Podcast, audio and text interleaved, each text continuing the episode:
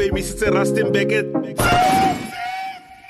sun city resort.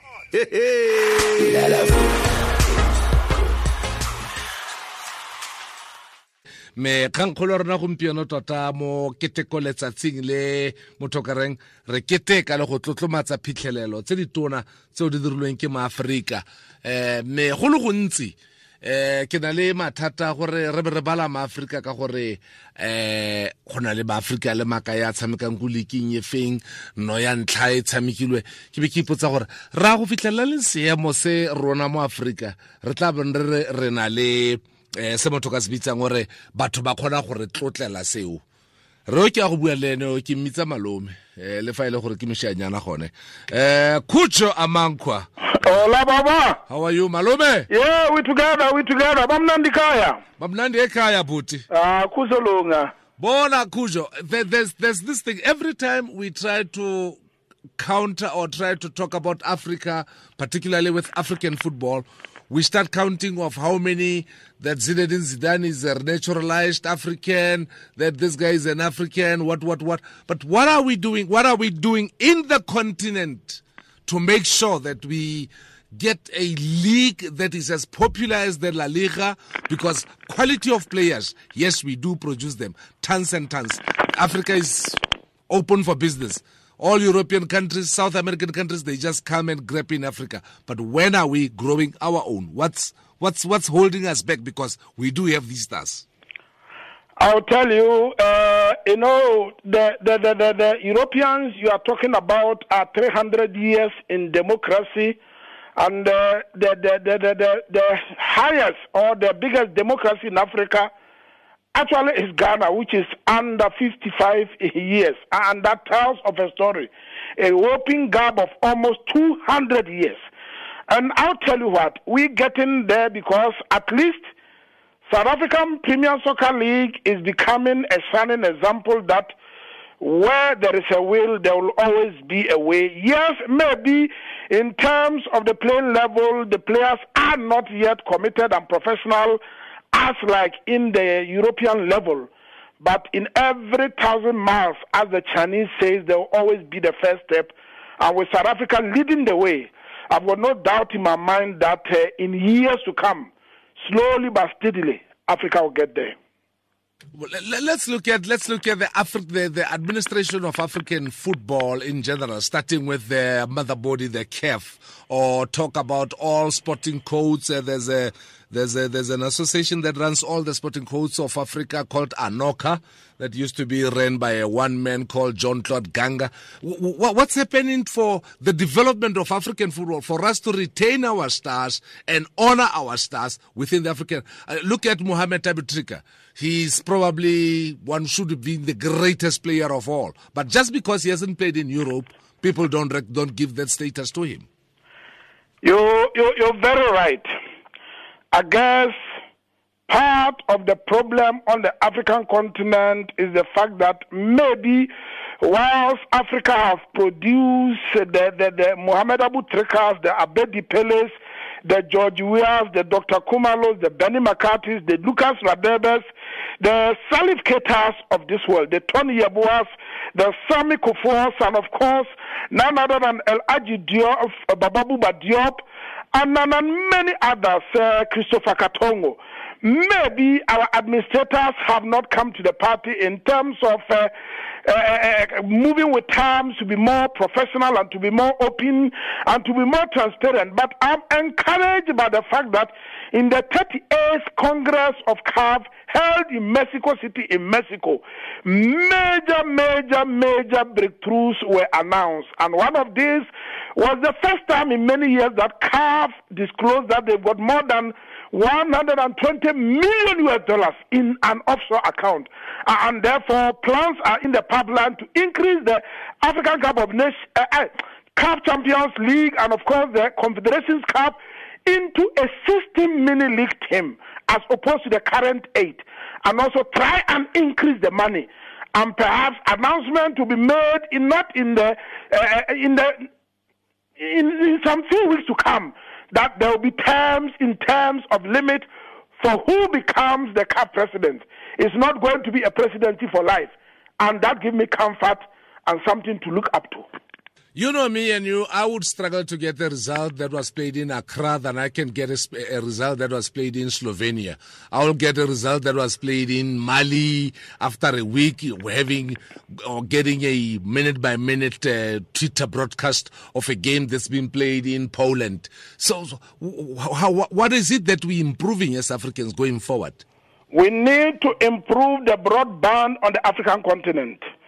Africans must begin to do business among itself. Africans must begin to take their own destiny in their own hands. Africans must ensure that they are masters of their own destiny and they must lead the way. Solutions on the African continent do not reside in the White House in America nor in Brussels in the European Union. Solutions and problems, challenges on the African continent and its solutions lie in here in Africa. And the moment we realize that and begin to put our heads together and work as a continent and as a collective, I can tell you, we can move football forward and we can make football one of the most viable uh, uh, entities to come and counter poverty alleviation.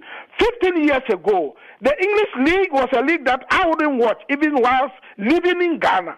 But since Rupert Murdoch poured a lot of money through television into the English Premiership, look at what it has become. It's being packaged and broadcast to the whole world. And that's why I started with a popular quote to say, where there is a will, there will always be a way. United we stand, divided we fall with collectivity. If we are able to put our heads together and begin to bring some young, vibrant uh, of officials and leadership into CAF, I've got no doubt in my mind that in some few years to come, African football will be on the ascendancy.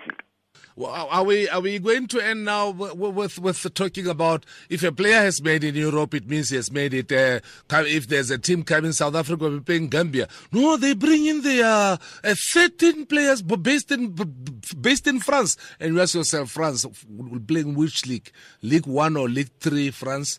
Uh, no, this guy is a full-time professional. They bought players from Belgium, yet they're Africans. When are we going to start recognizing players by being the player is based where May Mahlangu can make it to the team, but he's playing in Norway or in whatever league in the, but he can't make it. Uh, he's got to give way for Tobani Mwango because Tobani Mwango plays for uh, Polokwane City, so he can't make it. May Mahlangu will be better. When are we going to remove that that type of reasoning in South Africa? Uh, no, no, no. Don't say South Africa because if you say South Africa, you are being hard on the country. When are we going to remove that type of a mentality and a paradigm shift from across the African continent? Because even in Ghana, if you play in the Ghana Premier League, you are not recognized until such a time that you move to England or France or Spain or anywhere outside Ghana to be recognized as a professional.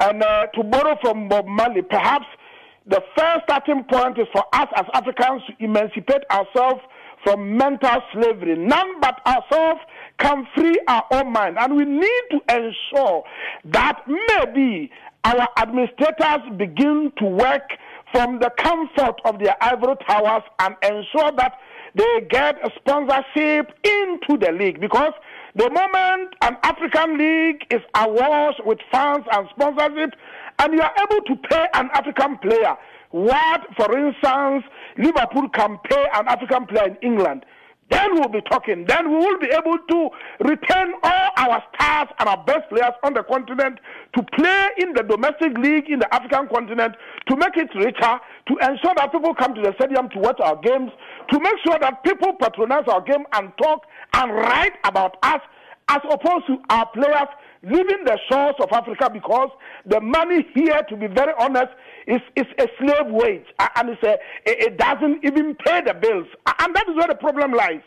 Perhaps if we can be able to make the game more attractive and package it in a way that we are able to get business and government to come to the party and pour money into it, we'll be talking a different story.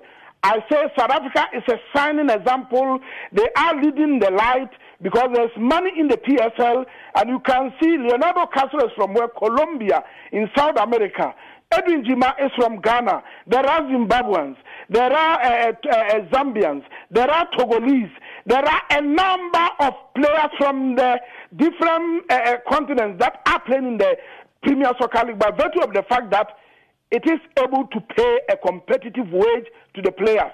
Unless the other African countries follow suit, come to South Africa to begin to learn the model as to how the likes of Dr. Irvin Khoza and Kaizer Motaung and his team have been able to ensure that they've get sponsorship to bring money into the league to attract people all the way from Colombia. I think the better for each and every one of us. I hope you still remember our bet, uh, which you still owe me. It was made on the 27th of September at uh, Free State at uh, Matax Stadium. We were then predicting February 26th. I'm still waiting for my payday. I told you that. No, no, no. I, I, I know exactly what you are talking about. Uh, I, I, I owe you one. I concur because uh, I saw it in a different light. I guess this time around you were very spot on because uh, your sources were more sharper than mine, uh, and and you won and beat me hands down. Anytime we meet in uh, Johannesburg, I'll be able to settle you on that bet. Thank you very much, Coudjoe. Enjoy your weekend. Huh? God bless you. Thank you very, very much. Thanks.